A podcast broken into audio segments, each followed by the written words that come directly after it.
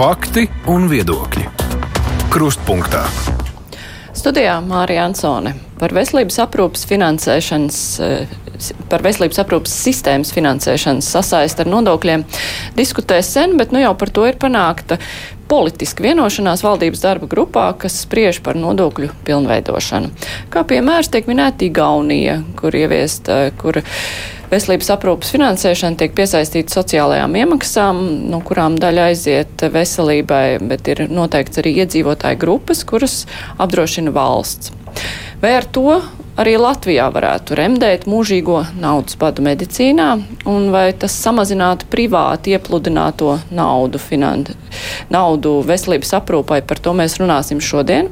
Mūsu studijā ir Veselības ministrijas parlamentārā sekretāra Ilze Ortvēna. Labdien! Labdien! No Finanšu ministrijas parlamentārā sekretāra Karina Ploka. Labdien! Labdien. Tāpat šeit ir saimnes deputāti, vienlaikus Latvijas lauku ģimenes ārstu asociācijas vadītāja Līga Kozlovska. Labdien! Labdien! Un Veselības ekonomikas asociācijas vadītāja Daiga Pehmane. Labdien! Jā, labdien! Um, šī medicīnas finansēšanas piesaiste nodokļiem, nodokļiem konkrēti daļa, so, kur tur aiziet sociālā nodokļa. Tas ir domāts, lai veselības budžets kļūtu bagātīgāks, vai šī finansēšanas sistēma būtu sakārtotāka. Kas ir tas pirmais, ko varētu no tā iegūt, Artvenskundze? Nu, protams, ka aspekti ir divi. Viens ir sakārtot, otrs ir, lai šīs naudas pienesums būtu regulārs, ilgtermiņā, pārskatāms un stabils.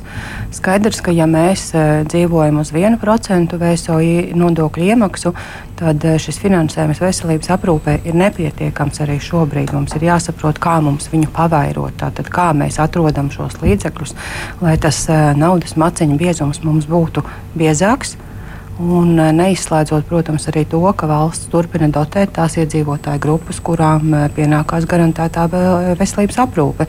Un skaidrs, ka no šīs VSO iemaksām mēs visu savu budžetu nosakt nevarēsim. Tātad jābūt šim finansējumam tā, kā tā būtu divpusējam. Par kādu procentu būtu runa Latvijā? Nu, ja mēs skatāmies uz eh, veiksmes piemēru Igauniju, kuriem šis jau ir 13%, bet viņi mums ir steiguši priekšā te jau 20 gadus ar savu vēsoju apdrošināšanu, tad mēs šobrīd varētu runāt par to, ka tas būtu vairāk vai mazāk pietiekami, ja tie būtu starpības starp kaut kādiem 5-7%. Bet eh, nu, tās ir, tās ir principā neiespējamās eh, misijas īstermiņā, tas ir ilgtermiņa plāns, un mēs varam runāt par procentu, tālāk 3-5%, un tad jau aiziet aiziet eh, kaut kad nākotnē, ja mēs šo modeli izvēlamies par pamatotu un par labu sev esamu. Arī Finanšu ministrija uz to raugās kā uz eh, pārskatāmas sistēmas ieviešanu, drīzāk eh, uz sistēmas sakārtošanu un mazāk kā uz kaut kādu tādu galīgu budžeta apjomu veidošanu. Jā, varbūt papildinot to, ko Artvēns kundze jau teica, veselības aprūpas piesaiste tieši valsts sociālās apdrošināšanas iemaksām būtu tāds tieši motivators cilvēkiem maksāt nodokļus.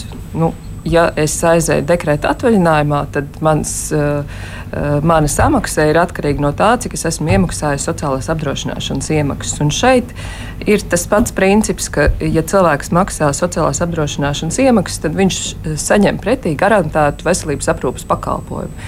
Vairāk varbūt uz šo būtu jāskatās no tāda aspekta. Un, uh, nu, jāsaprot arī tas, ka mums, kā jau Artvēns kundze pareizi teica, Mums šobrīd uh, sadalījums pretī uh, iemaksām, procentos uh, sociālās apdrošināšanas iemaksām ir diezgan skaidri noteikts. Un, un, mēs zinām, ko mēs par katru iemaksāto procentu dabūjam pretī. Tās ir personificētas iemaksas. Tādēļ nu, šis būtu tāda liela sociālās apdrošināšanas nodokļa izmaiņa. Tāpēc ir jādiskutē gan par to principu, kādēļ mēs to darām un uh, kuri tad būs tie pakalpojumi, kurus pretī mēs maksāsim no valsts pamatbudžeta. Jo pretējā gadījumā nu, tas nav iespējams, jo ja mēs kādu no tiem pakalpojumiem izslēdzam, tas kaut kādā veidā ir jāapmaksā. Tā kā es negribētu uz šo raudzīties tikai no naudas iepludināšanas viedokļa veselības aprūpē, nenoliedzami tas ir svarīgi, bet tas ir tikai viens no aspektiem. Ne, nu, pagaidām tas tā arī izklausās. Pirmkārt, tas procents ir krietni mazāks nekā Igaunijā. Nu, šobrīd minētais. Otrakārt, ja tas motivators ir, lai cilvēki maksā nodokļus, tad varbūt vienkārši noteikt, ka veselības aprūpas pakalpojums, ko apmaksā valsts, saņem tikai nodokļu maksātāji. Kāpēc tur kaut kādus procentus iezīmēt? Nu, Pirmkārt, ir jāsaprot, ka Latvijā ir eh, cilvēku kategorija, kuri saņem gada ienākumos ne vairāk kā 3000 eiro. Tas nozīmē, ka viņi pat tad, ja viņi ir ārpus apdrošināšanas sistēmas, viņi nespēja iemaksāt šo pat mūsu šī brīža esošo 1200, 1400 vajadzību, kur Igauniem tā ir jau 2400. Un ir jāsaprot to, tātad, cik liela ir mūsu cilvēku rocība piedalīties pašiem ar šo privāto maksājumu. Ja mēs varam legalizēt drīzāk vai atgriezt eh, tos cilvēkus, kuri tieši tiešām nemaksā nodokļus tā, kā tas būtu nepieciešams, tā ir viena no motivācijām. Tādā veidā mēs arī varētu palīdzēt apkurot ēnu ekonomiku, nu, lai cik tas skarbi ir nesauktos.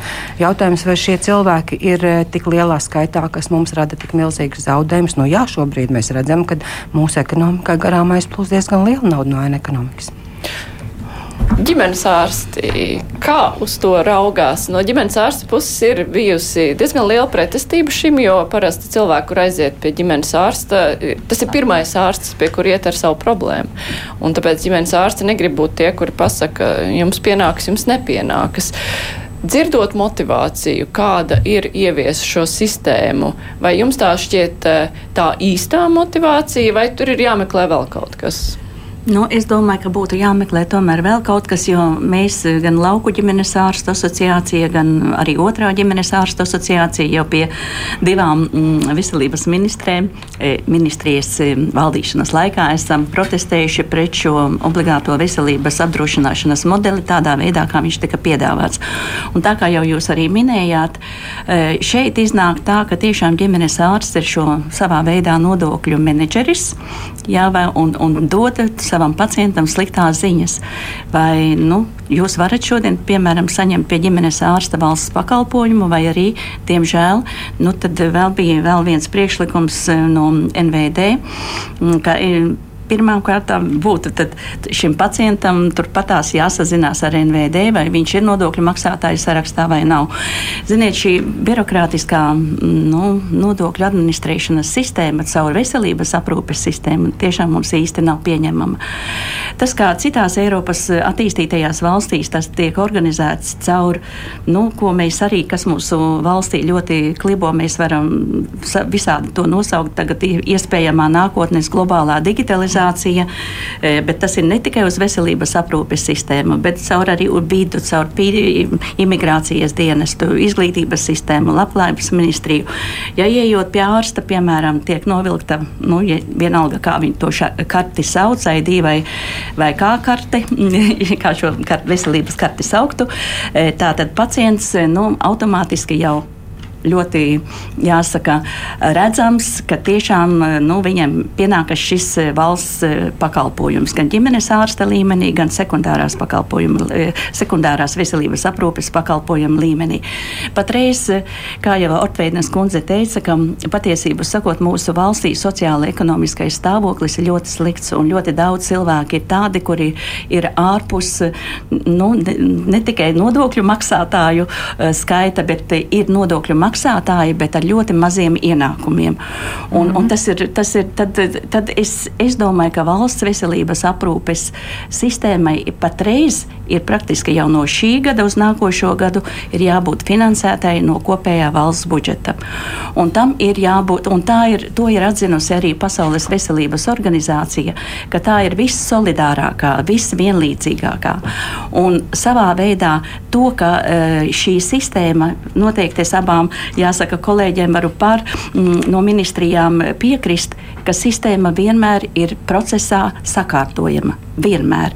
Tur ir gan tie dubultie, tāpat kā mēs vienmēr runājam par tiem dubultajiem izmeklējumiem, tad tur ir varbūt arī kaut kādi liekie izmeklējumi, kuri nebūtu vajadzīgi, bet, bet tas ir process, kas ir jāsakārto, bet patreiz es uzskatu, lai veselības aprūpe būtu eh, nu, tādas finansējums stabils, e, valstī paci, pacienti saņemtu šos valsts veselības aprūpes pakalpojumus. Nevis, um, nu, jāsaka, 50 nedaudz vairāk procentu apmērā, bet saņemtu piedošana, tā kā citās Eiropas valstīs vismaz 80%, un tad tie 20% varētu pāriet uz to privāto medicīnu, un to izvēlas tie, kas var samaksāt. Ja? Bet, eh, bet pagaidām es noteikti um, esmu par to, ka valdība, un es ļoti ceru, ka valdībai būs izpratne, ka veselības aprūpes finansējumam jābūt stabilam, ilglaicīgam, un to var nodrošināt stabila, nu, jāsaka, finansēšana no kopējā valsts budžeta ne mazāk kā 12% apmērā. Bekmans kundze, kā jums šķiet, eh, kādam ir jābūt primārajam mērķim ieviešot šādu obligāto apdrošināšanu vai panākt, lai cilvēki maksā nodokļus, sakārtot, eh, nu, padarīt prognozējamāku šo te sistēmu, kā vispār ienāk nauda veselības aprūpas budžetā vai palielināt šo veselības aprūpas budžetu? Kam vajadzētu būt tam pirmajam izpildāmajam mērķim, kam pakārto visu pārējo apakšā? Nu, Tātad pirmkārt būtu noteikti jāsāk ar Eiropas sociālās politikas principiem, un Eiropas sociālā politika paredz šo universālo pieejamību, kas nozīmē, ka katra Eiropas valsts var izvēlēties vai nu to dara caur sociālās apdrošināšanas sistēmu, un tā ir radusies ļoti sen Vācijā ar industriālās revolūcijas attīstību, ja, kur darba spēks ir jāapdrošina pret darba un veselības negadījumiem, un otra sistēma ir no vispārējiem nodokļiem, kas ir Anglija. Lielbritānija pēc otrā pasaules kara. Eiropas valsts vairāk vai mazāk var izvēlēties, bet vis, abas šīs sistēmas viņām ir jānodrošina universālā piekļuve. Tas, ka šobrīd neviena sistēma vairs nepastāv tāda tīra, tad, kad to izveidoja 200 vai, vai 50 gadus atpakaļ. Šobrīd jau ir jauktas, un jebkura sociālās apdrošināšanas sistēma, kurš starp citu arī pēc Eiropas, protams, arī uh, nostādnēm arī veselības aprūpe ir sociālās apdrošināšanas sastāvdaļa kā tāda, bet nu, var tikt finansēta arī no vispārējiem nodokļiem. Bet tas nenozīmē, ka tas ir jāizpilda tādā veidā, kā Latvijā mēs par šo runājam, ka pacientam vienam kaut kas pienāksies, otram ne. Pirms tam būtībā nu, ir arī citi principi, kam ir jāseko attīstītai valstī. Un attīstītai valstī caur likumdošanu ir jānodrošina, ka visi iedzīvotāji, kas ir darbspējīgi, uh, maksā nodokli. Visi, kas saņem atalgojumu, maksā arī šo sociālo nodokli. Viņi ir šīs sociālās apdrošināšanas sistēmas dalībnieki. Un, ja tas Latvijā nav izdevies, vai mēs tur esam radījuši ļoti daudz dažādas nodarbinātības formas, ja, kur vai, citi vairāk vai mazāk kaut kā maksā maksāt, tad būtībā tas ir primāri jāsakārto. Un, protams, ka veselības sistēma nekādā gadījumā nav tā sistēma, kura tad nu sakārtos nodokļu samaksu. Uh, jā, labi. Ja drīkst, varbūt mm -hmm. nedaudz ieviest tādu skaidrību, ko mēs, man šķiet, mums tā, mēs katrs par nedaudz par dažādām lietām runājam. Uh, jūs pareizi minējāt, ka ir faktiski divi veidi, kā um, tiek nodrošināta veselības aprūpas pieejamība. Viens ir tīri eh, finansējot no valsts budžeta, un otrs ieviešot šo veselības apdrošināšanu. Bet eh, es negribu apgalvot, ka mēs šobrīd ejam tajā virzienā, ka veselības aprūpe pienāksies tikai tiem, kas maksā sociālo nodokli. Nu, tur tas, būs noteikti arī iedzīvotāju tas, ka, grupas, kurām, kuras apdrošinās valsts. Tas, ka mēs iezīmējam tāpat kā šobrīd ir iezīmēts 1% no valsts sociālās apdrošināšanas iemaksām, kas tiek novirzīts veselības aprūpei. Arī tas būs iezīmēts, uh, iezīmēts finansējums veselības aprūpei. Taču uh, mums uz šo būtu jāparaugās nedaudz no tāda viedokļa, ka um, ir pieprasījums, kas ir pacientu pieprasījums. Un tad ir tas, ko, um, tas, ko nodrošina Nacionālais veselības dienests. Un mēs redzam, ka Nacionālajam veselības dienestam ir savādāk jāorganizē šī pieejamība. Proti, uh, nevis tā, kā tas ir šobrīd, bet, uh, bet tā kā ir Igaunijā, pasakam arī otru daļu, kā ir Igaunijā, jo Igaunijā šo finansējumu um, apkalpo fonds, ir speciāls fonds, kas iepērk pakalpojumu. Un tas ir tas virziens, kurā mums ir jāskatās šajā pakalpojumu iepirkšanas virzienā. Nu, kā, kā tas darbojas, šis cits fonds? Jo šobrīd ir tā, ka ir pakalpojumi, kurus Nacionālās veselības dienests apmaksā pēc noteiktiem tarifiem, un tā nauda nu, tā aiziet pastarpināt, nu, pacients saņem caur šo pakalpojumu. Kā darbojas tas fonds citādāk nekā NVD? Uh, fonds tas tā sistēma, kā darbojas Igaunijā. Igaunijā tiek iepirkts pakalpojums, uh, nodrošinot arī reģionālo pieejamību. Un nav svarīgi, vai to nodrošina privātais, vai to nodrošina valsts vai pašvaldības slimnīca, bet, bet uh, tas, kas ir svarīgi, lai būtu kvalitāte un lai būtu pieejamība. Un tas ir tas, ko, kā Igaunija organizē šo veselības aprūpi. Tāpēc tīri teikt, ka tas ir piesaisti sociālajiem nodoklim un šo veselības aprūpi saņems tikai tie, kas maksā sociālo nodokli, nebūtu īsti pareizi. Mēs šeit arī iegājām nedaudz detaļās, jo tas piedāvājums no veselības ministrijas jau šobrīd uz galda vēl nav. Ir tikai politiskā vienošanās, ka tas veids, kā mums turpmāk uh, organizēt veselības aprūpi, lai tā būtu pieejama visiem iedzīvotājiem, ir uh, nevis tikai valsts budžets, bet šī uh, veselības apdrošināšana. Nu jā, ne, tās ir divas dažādas lietas. Viena lieta ir, uh, kuriem ir pakalpojumi pieejami, otra lieta, kur šo pakalpojumu sniedz. Latvijai arī privātie sniedz, uh, arī var saņemt NVD finansējumu, līgums. izmantot to. Mm. Jā, ja ir līgums noslēgts, tas jau notiek. Bet runājot par šo te kārtību, nu, cik gatava šobrīd ir šī te veselības ap, apdrošināšanas sistēma. Cik daudz ir zināms? Jūs minējāt šos iespējamos procentus no sociālā budžeta. Tā ir tā viena lieta. Otra lieta ir, mm, teiksim tā, kuras ir tās iedzīvotāju grupas, kuras apdrošinātu valsts. Droši vien, ka tās būtiski arī neatšķirtos no tām, kas iepriekš ir minētas. Tā kā mēs apspriedām tos grozu sistēmas, un tur bija kādas 12 grupas, eh, kurām būtu pieejama valsts apdrošināšana. Otra lieta ir, cik lielām iemaksām ir jābūt, lai cilvēks skaitītos apdrošināts no savām iemaksām. Vai tas jau ir skaidrs, vai par to vēl domās? Jo jūs minējāt šos cilvēkus, kuriem ir maz ienākumu, attiecīgi arī iemaksas ir mazas, vai ir kaut kāds līmenis, cik lielām tām iemaksām ir jābūt, vai arī tas vēl nav skaidrs. Vienmēr sakot, cik gatava ir šobrīd šī sistēma? Nu, tad es sākšu vēl no bišķiņa savādāka skatu un atgriezīšos pie tā finansējuma kā tāda pēc būtības.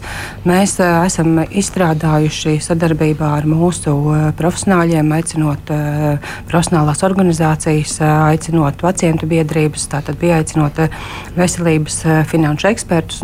Mēs mēģinājām izanalizēt piedāvāto modeli un saprast, kura sistēma Latvijai būtu vispiemērotākā.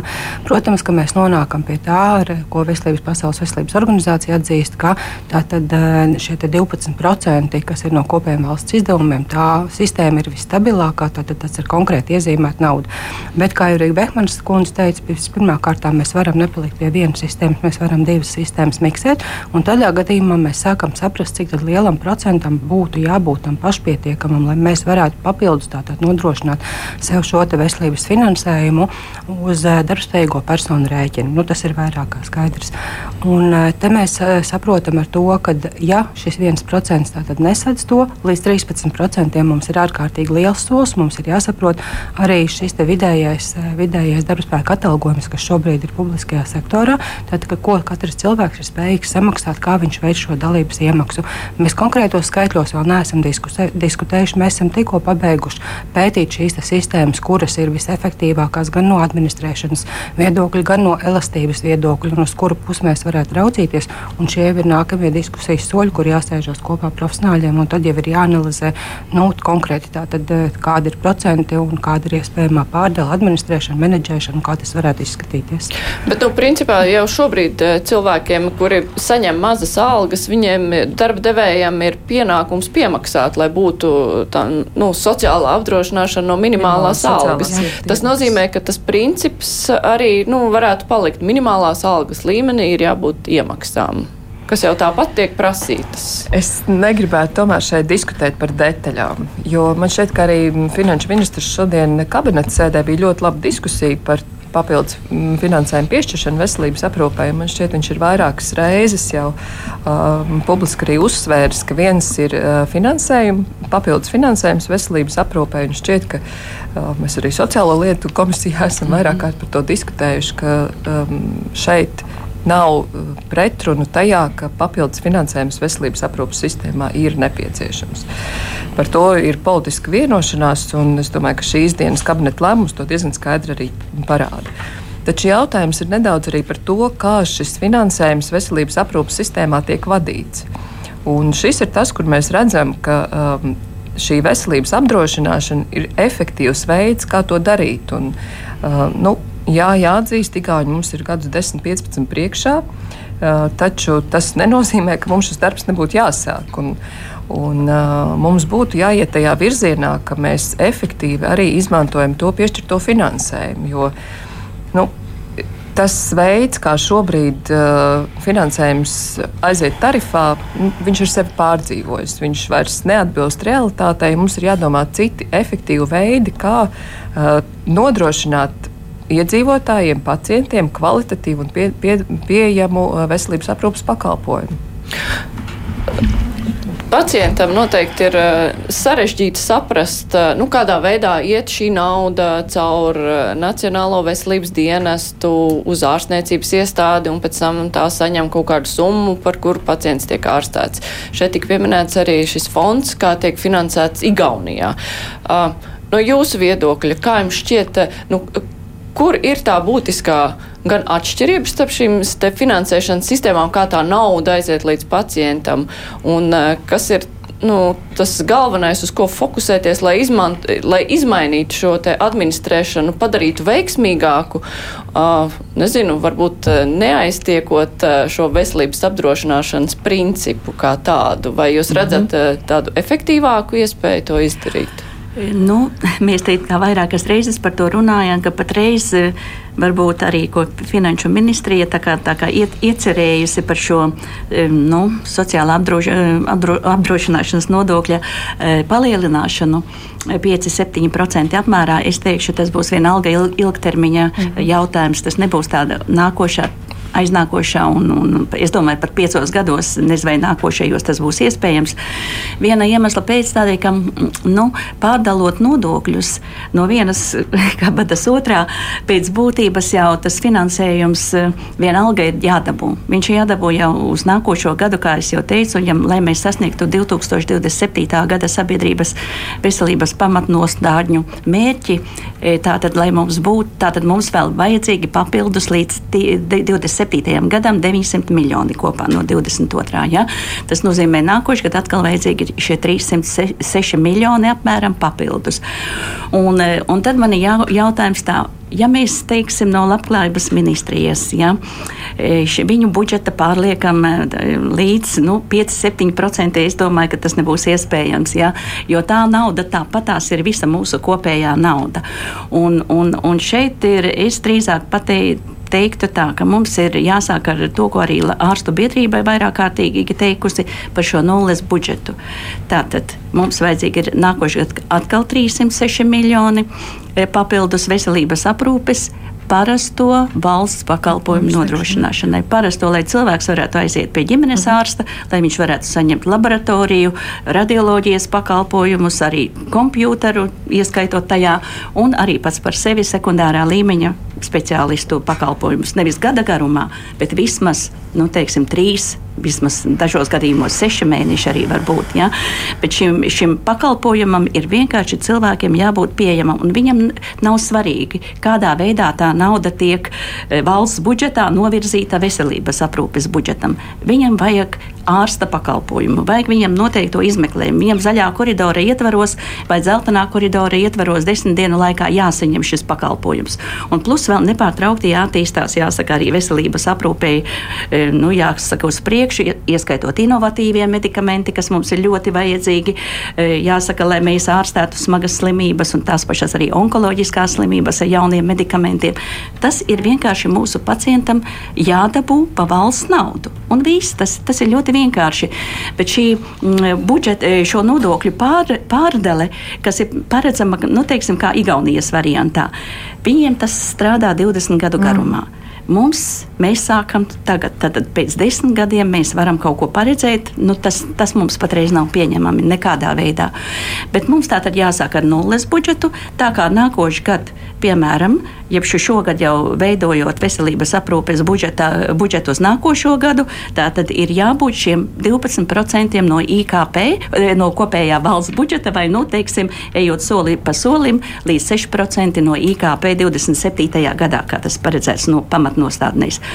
Nu, un, un, un tad tāpat kā aizsardzības budžetam ir šie divi pāri procenti no IKP. Tāpat arī veselības aprūpēs budžetam. Tātad šī gada, piemēram, septembrī, valdība nolēma šo, šo papildus finansējumu 306 miljoni. Tātad, ja mums pat, patreizējais budžets ir apmēram 1,6 miljardi, ja, tad patreiz, ja, ja es kaut ko varbūt maldos, ja, veselības bez pielikumiem, jā. jā. Mm. Bez pielikumiem. Šogad ir tātad vēl pielikums 140 plus 85, 87. Ja. Tātad mēs esam gandrīz šī gada papildus finansējumu gandrīz, gandrīz dabūjuši. Bet ar kādām sāpēm un mokām. Ja? Un es negribētu, lai nākošais gads mums atkal mediķiem būtu un arī pacientu organizācijām jāveic atkal jaunas protesta akcijas, lai mēs atkal dabūtu šo papildus 306 miljonus. Es gribu normālu, parastu ārsta dzīvi, es gribu normālu, parastu pacienta dzīvi, ja? lai viņš saņem laikā un vietā visus valsts pakalpojumus. Tas ir, tā, manuprāt, ļoti vienkārši. nu jā, no, no pacienta viedokļa šāda obligātā veselības apdrošināšana nozīmē tas, ka nu, būs būs eh, cilvēki, kuriem tas pienākas, un būs cilvēki, kuriem nepienākas. Nu, vai ir pašiem jāveic iemaksas? Nu, tas ir diezgan vienkārši. Tāpēc uh, droši vien, ka pacienti arī grib saprast, vai caur šādu uh, veselības apdrošināšanas sistēmu arī tās naudas plūsmas aizies efektīvāk veselības aprūpē. Vai tas nozīmē automātiski, ka tas tā ir, Pehmans kundze? Nu, par līdzekļu administrēšanu automātiski tas noteikti to nenozīmē, jo arī šobrīd uh, ir virkne dažādu instrumentu, ko arī Nacionālais veselības dienests uh, var izmantot, un veselības ministrija, kas netiek īstenoti, un ka tā sistēma principā ļoti lielā mērā var strādāt ļoti līdzīgi Igaunijai līdzekļu administrēšanas ziņā.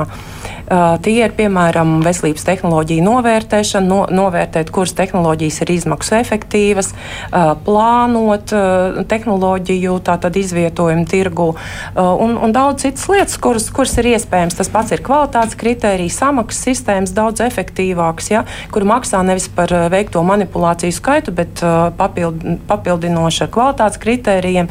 Tā ka tie ir tie instrumenti, kurus valstis 20 gadus izmanto un kur arī mēs varam izmantot, bet mēs vienkārši tos neizmantojam. Bet kas ir atšķirīgs tieši aģentūrai no uh, NVD? Mūsu esošā. Būtībā NVD ir ļoti neefektīva tādā izpratnē, ka tā ir valsts budžeta iestāde. Un veselības budžetu nevar efektīvi administrēt, ja katru mēnesi ir jāiz, jāiztērē viena 12. daļa uh, no piešķirtā budžeta. Un, uh, ja decembrī, piemēram, ir jāiztērē tām programmām, uh, nauda tajās programmās, kur to nav izdevies iztērēt. Un principā šis valsts budžeta iestādes princips. Nu, To jau mēs zinām. Es nezinu, to visi zina, ka tas ir absolūti neefektivitāte, tas pats par sevi rada neefektivitāti tālāk sistēmā.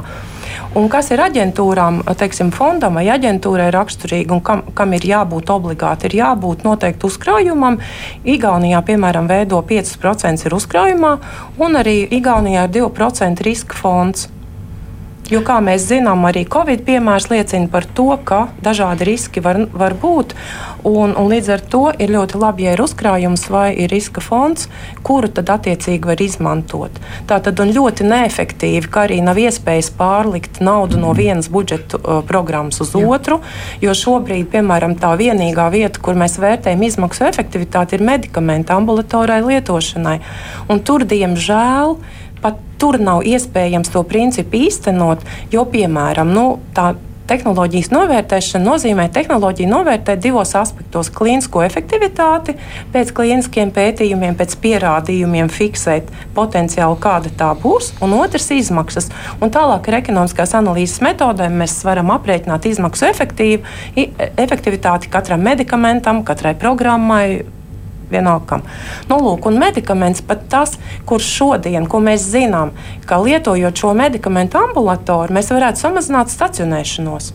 Un ka mums nevajadzētu tik daudz slimnieku eh, cilvēku stacionēt, bet Latvijā tas nevar strādāt, jo vienkārši budžet ir, budžets ir izveidots tā, ka ir konkrēti iezīmēta nauda medikamentiem un konkrēti nauda stacionāru pakalpojumiem.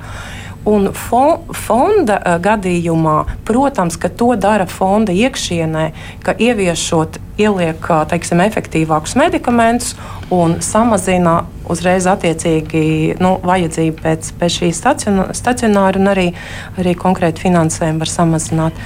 Tas ir tās pamatlietas, kāpēc nu, teiksim, administrēt veselības aprūpi caur valsts budžeta iestādi, tas jau saknē ir neefektīvi. Mhm. Man tāds viens vienīgi komentārs, e, ka nu, patreiz NVD teiksim, administratīvās izmaksas ir neapšaubāmi daudz, daudz mazākas nekā iespējamais šis e, fonds, kas administrējas e, nu, teiksim, nākotnes. Kāpēc? Piemēram. Nu, tas jau ir aprēķināts, un jau mēs vienkārši esam mm, diezgan jau arī iepriekšējās valdībās, kad bija nu, šie obligātā veselības apdrošināšanas reformas, šie varianti no daudzām citām valstīm apspriesti. Tad, lai šis, nu, savā veidā tas ir privātais fonds īstenībā. Ja? Tas jau nav tā, nu, varbūt ir, ir valsts. Publisks. Jā, vai nu publisks. Nē, bet... Igaunijas variantā tas ir, tā ir, nu, vienkārši tā ir aģentūra, tā Jā. ir publiska aģentūra. Labi, bet, nu, patiesībā sakot, e, tur ir tad e, tie darbības principi, varbūt NVD un šai aģentūrai ir citi, kā jūs tieši teicāt, bet vienalga, lai šī aģentūra, e, nu, jāsaka, arī NVD labi strādātu, ir vajadzīgas šīs, kā jūs pieminējāt, tehnoloģijas. Bez tehnoloģijām, nu, varam mēs kā vienmēr vienmēr teiktu, digitalizācija, e-veselība, nu, tas nav salīdzināms, eh, kādi, kas ir Igaunijā. Un, un, un, lai mēs novērtētu gan stacionāru, gan ambulatorā nu, teiksim, eh, aprūpes darbu, mums ir vajadzīga šī savstarpējā informācijas ap, nu, aprite un arī novērtējums. Ja tā nav, tad, tad mēs tikai atkal uzrakstam uz papīra nu, tādu skaistu, nu, jāsaka, dokumentu, izveidojam aģentūru. Viņi ir tikpat smagnēji un tikpat, nu, jāsaka, darboties nu, smagnēji strādājoši, kā nu, patreiz NVD var būt. Jā.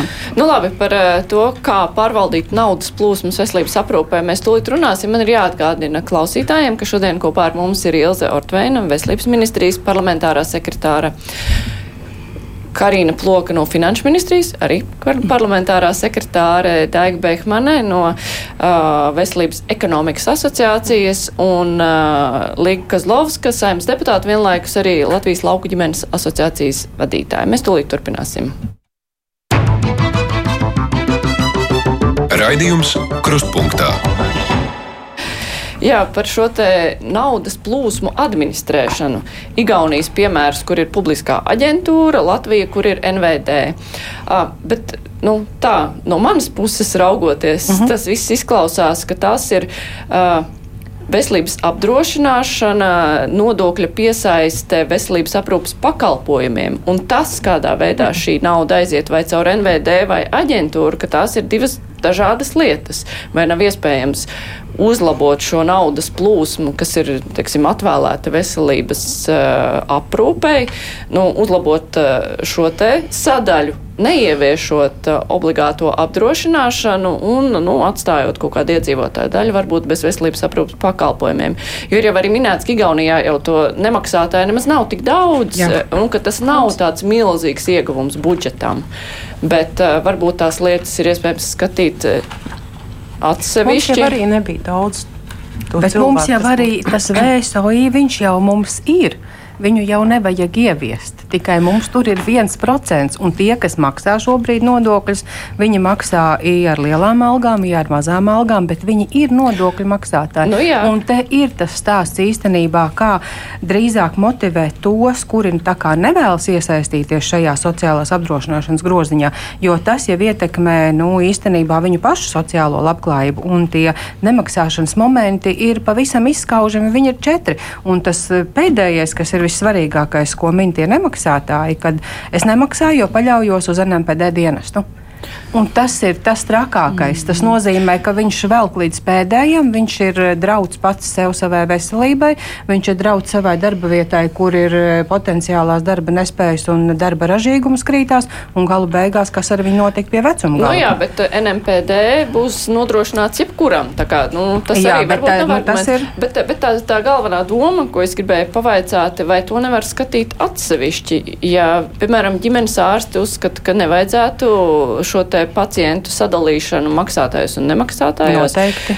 Ka, nu, varbūt var domāt tikai par eh, tās administrēšanas maiņu, lai būtu tā kā Igaunijā, kur arī nav tie budžeta principi, kā te Behmans kundze minēja, ka ir katru mēnesi jāiztērē 12. daļa vai nevar pārcelt naudu, kur vairāk vajag šai brīdī, ka tas nu, viss notiek brīvāk. Vai šo administrēšanu mēs varam varbūt pārņemt, bet pārējiem ne? Tas ir viens no momentiem, jo mums patiešām administrēšana šobrīd ir ļoti sarežģīta. Mēs no savām programmām, kurām nav izpildes uz doto brīdi, kur mēs varētu reāli redzēt, kur varētu pārvirzīt naudas līdzekļus, tas notiek ļoti smagnēji. Mums ar katru savu 5 eiro pārvirzīšanu no vienas savas programmas uz otru ir jāstaigā uz ministru kabinetu, jāraksta informatīvie ziņojumi un jāsaka, kāpēc mēs tagad savu naudu gribam pārlikt uz to programmu. Jo ļoti iespējams mēs pēc mēneša no citas programmas paliksim atpakaļ šajā, kur šī izpilde paaugstinās samazināsies un būs jau pāri par, par malītēm. Tas ir viens no traucēkļiem, kas traucē. Un, ja mēs runājam no otras puses par uh, eh, NVD un par uh, arī tarifu sistēmu, tad ir jāsaka, tā mēs varam grozīt to katliņu, kā mēs gribam, vai ar fondiem, vai ar NVD, vai ar neatkarīgo regulātoru. Vienalga, kā mēs viņu nosaucam. Pakalpojums maksā tik, cik viņš maksā, un viņš ir jāsarēķina līdz pēdējiem izdevumam, iekļaujot visu, kas tajā ir. Nu, ja mums ir nezinu, jāiztīra zobi, tad mums ir vajadzīga zobpasta, zobirste, ūdens, mutes skalojamais, zobudieks un viss pārējais. Tad, tās ir visas pozīcijas, kas ietilpst iekšā vienā procedūrā. Un tas ir uz katru procedūru tā ir sistēma, kura no mums tiek prasīta parādiet katru centu, kā jūs viņu izlietojat. Tā tas ir šobrīd. Bet, ja mēs pieejam no cita veida plānošanas, tad ir jābūt arī šai budžeta stabilitātei, kur mēs zinām, ka katru gadu nosit pulkstenis 12. 1. janvārī veselība ir 12% no IKP. Nu, ja tur ir trūkums, tad mēs skatāmies vēl no citām sistēmām, vai kā to papildināt.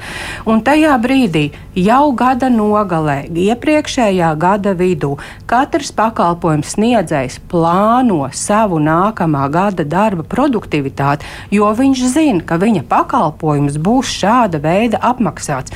Viņam nav jāuztraucās, vai viņš varēs sniegt pakalpojumu, viņš varēs nopirkt tuferus un plāksterus, vai viņš varēs tabletes nopirkt, vai būs viņam visiem pacientiem, kur atnākt uz pieņemšanu. Un tas ir tas, kas šobrīd ļoti dzēna stresā nepārtraukti gadiem pakalpojumu saņēmējs, kurš slēdz līgums ar NVD. Pakalpojumu saņēmējs jau uh, novembrī prasa, kāds būs līgums, kāds būs līgums. Skaidrs, ka NVD nevar pateikt neko, jo viņš nezina, kāds būs līgums, jo mēs nesaprotam, vai mums būs šis atbilstošais pieprasītais budžets. Un tā ir gadu no gada. Un ja mēs šobrīd domājam, Protams, paldies absolūti katrai ministrijai, kas ir izskatījusi savas kabatiņas un atradusi kopējam stāstam šos budžeta līdzekļus papildus. Bet, ja mēs domājam, ka novadinātu ķēvi var uzšaut ar pātadziņu un pabarot ar trekniem salmiem, un viņi uzreiz skries kā olimpiskais skrejējs, tā tas nenotiks. Tātad šobrīd mēs dzēšam ugunsgrēku pēc būtības. Ugunsgrēku nodzēs tas prasīs vēl vairākus gadus, jo ir arī Covid veselības seku ietam, kas pavairo šo vajadzību pēc veselības pakalpojumiem.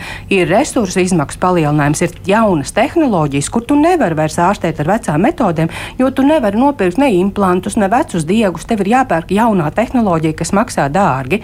Un tad, kad mēs būsim nodzējuši ugunsgrēku, stabilizējuši situāciju, situāciju, tad mēs redzēsim to pienesumu, ka mums tie veselības rādītāji sāks iet uz augšu.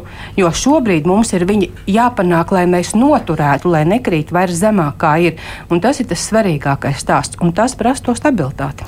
Nu jā, bet es vienalga gribu saprast līdz galam, vai ir iespējams ieviest daudz ko no tā. Tajā skaitā varbūt pat tos 5-7% no sociālā budžeta, neuzliekot. Uh, par pienākumu sadalīt cilvēkus nodokļu maksātājus un nemaksātājus, vai tas tā vienkārši nestrādās? Finanšu ministrija tam nepiekritīs. Nu, es jo, jo principā tad jā. sanāk tā, ka valsts nu, nolēma, ka mēs dodam to apjomu, te ir iezīmēta nauda, te ir varbūt cita nauda, un tad mēs to dodam, bet nu, visi ir apdrošināti. Nu, man šķiet, ka mums runāt šobrīd par detaļām pirms nav veselības bet tā ministrijas. Tā ir liela detaļa. Jā, bet pirms nav veselības ministrijas piedāvājumu šai veselības apdrošināšanai nebūtu īsti pareizi. Un man šķiet, ka Bekmans kundze jau ļoti pareizi iezīmēja to efektivitātes momentu, ko es arī centos uzsvērt, ka tas, tas ir tas, kas Igauniju atšķir no Latvijas. Un īsti nav taisnība tas, ka mm, mums ir neefektīva budžeta izmantošanas uh, procedūra šobrīd. Um, pirmkārt, mums ir uh, trīs gadu budžets nevis gada budžets. Mēs pieņemam ietvaru, tādēļ nu, tomēr uh, ietverā mēs nevienam nost neņemam ietverā tikai liek klāt papildus finansējumu. Tas ir jāatzīst. Un šī viena 12. daļas izmantošana īsti neatbilst patiesībai, tādēļ, ka mēs redzam, ka um, tiek līdzekļi izmantot vairāk kā viena 12. daļa. Tā kā, ja veselības ministrija, un tas ir tas, ko es centos uzsvērt, redz, ka ir iespējams efektīvāk vadīt to finansējumu, kas šobrīd veselības aprūpas sistēmā ir, tad, finansē, tad Finanšu ministrija ir gatava sēdēt, runāt, meklēt veidus, kā to darīt efektīvāk. Un tas, ka pārlikt uh, finansējumu no vienas programmas otrā ir sarežģīti, īsti neatbilst patiesībai. Tas ir izdarāms, tikai šādu piedāvājumu no veselības ministrijas puses līdz šim nav bijis. Tāpat ir iespēja arī neiztērēto finansējumu pārdalīt nākamajā gadā tāda sistēma ir ieviesta jau vairākus gadus atpakaļ. Kā, ja mēs no finansējuma, um, publiskā finansējuma piešķiršanas un izlietošanas viedokļa skatāmies, tad tomēr tā sistēma ir pietiekoši sakārtot, nenoliedzot, ka tur ir iespējami uzlabojumi, bet mēs ļoti gribētu redzēt to piedāvājumu no veselības ministrijas. Pirmkārt par veselības apdrošināšanu, otrkārt par to, kā efektīvāk mēs varam to finansējumu izlietot. Jo, ja mēs runājam par publiskiem fondiem, tad viens labs piemērs ir Altuma kas uh, arī šos publiskos līdzekļus uh, apsaimnieko. Es nedomāju, ka tur ir neefektiv, neefektivitāte tādā ziņā, ka, ka mm, būtu, būtu jautājums par to, vai tas ir efektīvi vai nē. Tā kā problēmas, ko risināt mums ir. Uh, tas, ka finansējums ir nepietiekams, to mēs apliecinām. Es domāju, ka to diskusija vairāk nav. Jautājums ir tikai, kā mēs varam uzzīmēt to ceļa karti, kā virzīties tālāk. Bet runāt par detaļām šajā apdrošināšanā es tiešām negribētu, jo piedāvājumu vēl uz galda nav. Bet, eh, nu labi, vēl pēdējo reizi par tām detaļām. Tomēr eh, tā, vai veselības ministrija izskata tādu variantu, nu, ka tās visas pārmaiņas tiek veikts, bet apdrošināti ir visi, nevis tikai nodokļu maksātāji? Nu, bez šaubām ir jāsaprot to, ka uh, katram cilvēkam, kurš ir uh, Latvijas valstī, pienākas veselības apdrošināšana, pienāks veselība. Un tas ir jautājums, cik lielā mērā viņa pienākās tam, kurš kārtīgi maksā nodokļus neatkarīgi no sava maciņa biezuma, un tam, kurš ir palicis kaut kādu iemeslu pēc ārpus šīs sistēmas. Nu, vienalga, vai viņš ir bezpajumtnieks, vai viņš šobrīd ir, pieņemsim, nu, Ukrainas bēgļi, kas nav iekšēji kopējā sistēmā, tātad VSOI. Nu, Tātad, kā nodrošināt šo veselību nu, šiem cilvēkiem, kuri ir ārpus sistēmas? Un skaidrs, ka viņiem ir jābūt obligātām divām komponentēm, kas ir neatliekamā palīdzība un kas ir primārā veselība, kas ir ģimenes ārsts. Jo, ja mēs likvidējam pirmo punktu, tad ir skaidrs, ka viss sloks nonāk. Tātad visas šīs personas būs tikai ārstniecības iestāžu klienti, un tas ir atkal dārgais un ļoti izmaksu ietilpīgais veselības aprūpes gals. Savukārt, ja viņam ir iespēja konsultēties ar ģimenes ārstu, bet es uzreiz pat zinu, ko dr. Kozlovskis teiks, bet es pilnīgi piekrītam, ka eh, ģimenes ārstam nav jābūt šim policijas punktam, kurš pasaka, tu vari vai tu nevari. Šai sistēmai ir jābūt izdomātai līdz galam, un eh, ja mēs atceramies, es domāju, ka mēs daudzi atceramies, kādreiz bija slimo kase, ja, mm -hmm, bija, mm -hmm, bija. un eh, slimo kases dalībniekam deva ko? Viņam deva, tā kā šobrīd ir bankas karte, bija mm mums katram šāda kartiņa, viņš ar tādu kartiņu iet, viņš viņu parāda, un nevienam tev nav jāskaidro, kas tu esi maksājis maksas vai ārpus maksas pacients. Bet uh, tad es pareizi saprotu, ka tā kā bija līdz, tā kā ir šobrīd, tā nebūs. Nē, tā nu gan es nesaku. Tā ir kopēja vienošanās, tā ir kopēja diskusija. Izlemts, Nē, tas jā? nav vēl izlemts. Jā, tieši tā. Tā kā viss vēl ir priekšā. Uh, Bekmans kundze, uh, Igaunija kā piemērs. Uh, atkal tiek minēta, protams, tur viss šī sistēma darbojas ilgu laiku, bet tā privātā nauda, kas aiziet veselības aprūpē, tur ir samazinājusies krietnī. Vai tas ir saistīts ar to, ka cilvēki ir atbildīgāk maksājuši nodokļus, jūsuprāt, vai arī tāpēc, ka tas kopīgais naudas apjoms, kas aiziet veselības aprūpē, vienkārši no valsts puses ir lielāks, un tāpēc privātās naudas tur ir nepieciešams mazāk? Jā, es domāju, ka tā ir tieši korelācija. Ja valsts nauda ir vairāk, un to mēs redzam arī pēc citu valstu datiem, ka, protams, ka tur, kur tā valsts nauda vai publiskā nauda ir vairāk, tur arī tas privātais maksājums ir mazāk. Un, bet te ir svarīgi saprast arī to, ka ka tas nav tik vienkārši, ka mēs runājam, nu, tur Igaunijā sociālā apdrošināšanas princips, kas darbojas vairāk nekā nu, jau 30 gadus, bet tajā pašā laikā.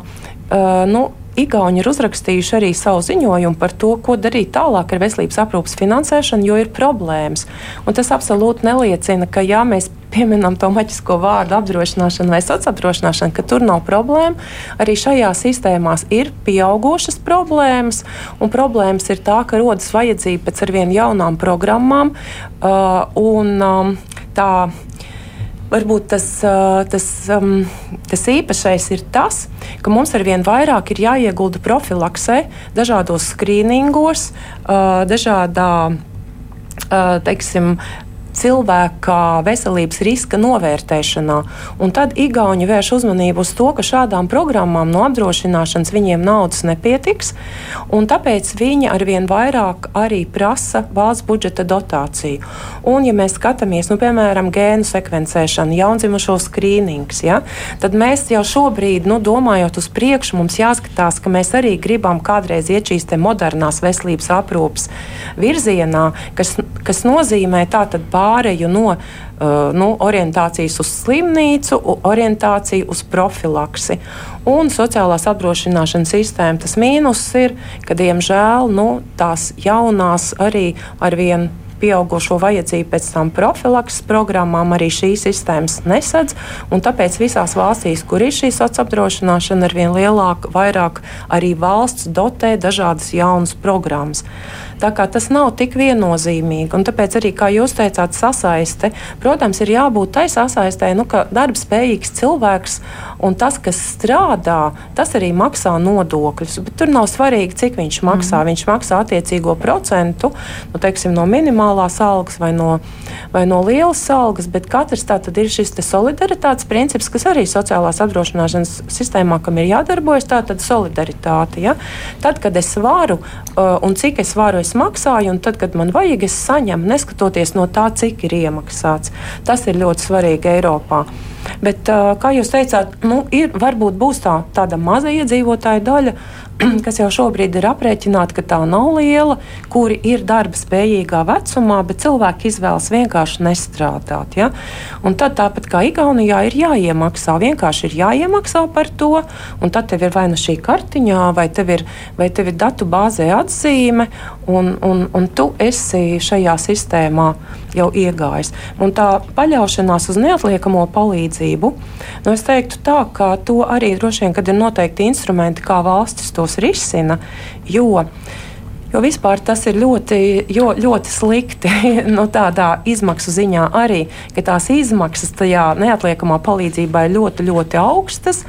Tad uh, mums tomēr ir ar likt caur likumdošanu jāizveido tādi mehānismi, ka cilvēks ir apdrošināts, ja viņš pats tātad caur savu darba spēka nodokli vai darba devējs piedalās, vai arī pats iemaksā.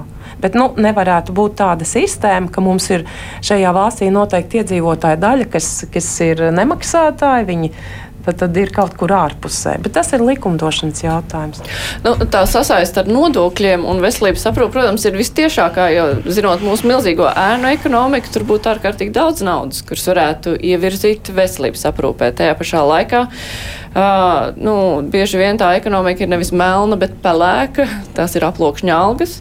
Un, uh, ja tas veselības aprūpas pakalpojums, ko cilvēks saņem neatkarīgi no tā, cik viņš ir iemaksājis minimālo algu vai tur 5000, eh, nu, es tā ļoti nopaļoju, eh, nu, tas nemaina neko pakalpojumā, tad jau ar to arī nevar īsti regulēt tomēr, vai cilvēki uh, atklās savu patieso algu vai nē. Nu, viņi tāpat turpinās maksāt minimālo, saņemot vairāk, un veselības aprūpē saņems uh, visu. Tas nozīmē, ka tomēr ar nodokļu maksāšanu to nevar atrisināt.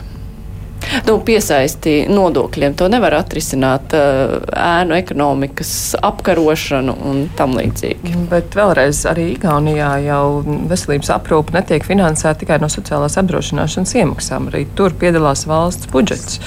Un šī sistēma jau visdrīzāk nu, man grūti, protams, pateikt, kāds būs veselības ministrijas piedāvājums, bet visdrīzāk šāds piedāvājums arī būs, ka valsts budžets nenoliedzami piedalās veselības aprūpas finansēšanā. Es domāju, par to jau arī diskusija nav, bet uh, tas, ka mums varbūt netiek ieviestas jaunās tehnoloģijas, šķiet, ka šis gads kopā ar Veselības ministriju bija tas labais mm -hmm. piemērs, ko mēs varam minēt, piemēram, jaundzimušo skrīnings, kas kopīgi šī programma tika izveidota, tika piešķirts finansējums. Faktiski viņi ļoti labi darbojās. Es domāju, te ir arī labi piemēri, ko veselības ministrija ir izdarījusi pareizi, uh, izmaksu efektīvi un uh, tas, tas ir skaidrs. Tas, ko es gribēju pateikt, ir, ka ēnu ekonomiku ar šo īsti neapkaros. Bet tāds arī nav mērķis. Tāds nav mērķis. Labi. Kā šī diskusija, mums ir palikuši dažas minūtes tikai, kā šai diskusijai vajadzētu tālāk risināties, jūsuprāt? Nu, teiksim, šī diskusija risināsies gan valdības līmenī, noteikti, gan veselības ministrijas līmenī pats par sevi kopā ar profesionālajām organizācijām, jo nākošais nedēļa jau mums ir arī strateģiskā padome e, veselības ministrijā, tā kā šie jautājumi tiks aktualizēti un, un, un tiks aktualizēti līdz gada beigām, kamēr mēs pieņemsim nākošā gada budžeta. Bet uz ko jūs uh, liksit uzsveru? Jā, bet es, es likšu uz to, ko jau es iepriekš teikšu, teicu, ka šī pat, patreizējā situācija, labi, mēs varam viņu nosaukt par miksēto sistēmu, kā Behmanas eh, kundze teica, un patiesību sakot, tāda viņa mums arī mm. ir 1% un valsts mm. budžets. Eh, ja mēs nākotnē domāsim, nu, 2% mm. tur mhm. pārdale no arī kā, vien, eh, kā valdība vienosies, tas arī nekas līdz 5, 7, bet vienalga tā kopējais budžets veselības aprūpē ir vajadzīgs 12 20% no kopējiem mm, budžeta izdevumiem. Un tas ir tas, par, kuru, par ko mēs noteikti iestāsimies, lai mums nākošais gads atkal nebūtu šīs protesta akcijas gan no pacientiem, galvenais arī. Jo pacienti jau ir mūsu, mēs sēžam vienā laivā ārsti vajadzīgi pacientiem un pacienti vajadzīgi ārstiem. Ja? Un, un, lai mēs varētu nodrošināt šo valsts pakalpojumu, tad tas ir jādara. Un vēl es vienu lietu gribēju teikt, ka nu, veselības ministrija patreiz ir arī aprēķinājusi nepieciešamo finansējumu, papildus finansējumu, nevis eh, papildus, bet finansējumu digitalizācijas programmas attīstībai. Bez šīm tehnoloģijām īstenībā šo savstarpējo nu, eh, darba organizāciju ja, mēs nevarēsim veikt nekādā veidā, jo tad tas paliks tikai formāli uz papīra. Ja joprojām mēs rakstīsim papīra nosūtījumus, papīra formātā mēs viens eh, otram uz izmeklējumiem sūtīsim, nu, es domāju, tas un pie tam privātai veselības aprūpes, eh, privātajiem veselības aprūpes sniedzējiem šajā informācijas aprītes sistēmā ir jābūt vienotiem ar, ar valsts veselības eh, aprūpes sistēmu. Jo tad mēs kaut kādā veidā nonāksim arī pie to, ko tām ēnu ekonomikas savā veidā vienas mazas daļiņas apkarošanu. Jo mēs redzēsim, kādā veidā nu, galu galā tiek maksāti nodokļi ja, caur, caur kaut vai valsts pakalpojumu saņemšanu. Un vēl viena ļoti svarīga lieta, mm, nu, arī tagad veselības e, ministrijā ir iz, izveidota ēnu ekonomikas tāda darba grupa, kurā mēs arī Lauku ģimenes ārstu asociācija piedalāmies. Tur ir daudzas, daudzi varianti, kādā veidā tas nav tikai veselības aprūpē, bet, bet visā valstī ir noteiktas tiešām profesijas, kuras nemaksā nodokļus. Dažādu iemeslu dēļ. Un, un es, piemēram, arī, kaut arī mūs, mums ir tādas e, no ģimenes ārstiem dalīta tāda pieeja pret obligāto veselības apdrošināšanu, kāda bija iepriekšējā. Es arī uzskatu, ka nodokļi jāmaksā visiem. Jo nodokļu maksāšana, jāsaka, garantē ne tikai valsts pakalpojumu saņemšanu veselības aprūpē, bet arī sociālās garantijas. Katrs gribēs taču arī pensiju beig beigās. Ja? Nu, Paldies. Tā, protams. Pavisam īsi mums ir patiešām saruna jau jābeidz tie divi gadi minētie. Tas ir tāds uh, laiks, kad uh, jaunā kārtība tiks ieviesta, vai par to tiks diskutēts? Divi gadi, piedodiet, kam? Uh, nu, visu laiku tiek minēts, ka divu gadu laikā šis jautājums ir jāatrisina, un tas to valdības vadītājs arī ir minējis. Tad, uh, jautājuma atrisināšana var beigties divos faktos. Tātad mēs nonākam pie secinājuma, ka esošā sistēma darbojas, mēs viņu pilnveidojam vai papildinām vai kā citādi, un otrā gadījumā, kad sistēma nav derīga un ir jāpāriet uz citu sistēmu sistēmu. Ah. Bet es domāju, ka divi gadi tas ir par ilgu laiku prasīts, un mēs noteikti ar šo jautājumu tiksim galā ātrāk. Labi, paldies. Saku Ilza Ortveina, Karina Ploka bija kopā ar mums arī Daiga Behmana un Līga Kozlovska. Paldies, ka varējāt atnākt. Rīt kruspunktā mēs runāsim par vidas pieejamību cilvēkiem ar kustību traucējumiem, vai visi jaunie objekti tiek būvētam atbilstoši. Uh, tas jau būs kolēģi Aida Tomsona pārziņā, bet šodien kruspunktā izskan raidījuma producente Tevi Junām studijā bija Māra Jansone.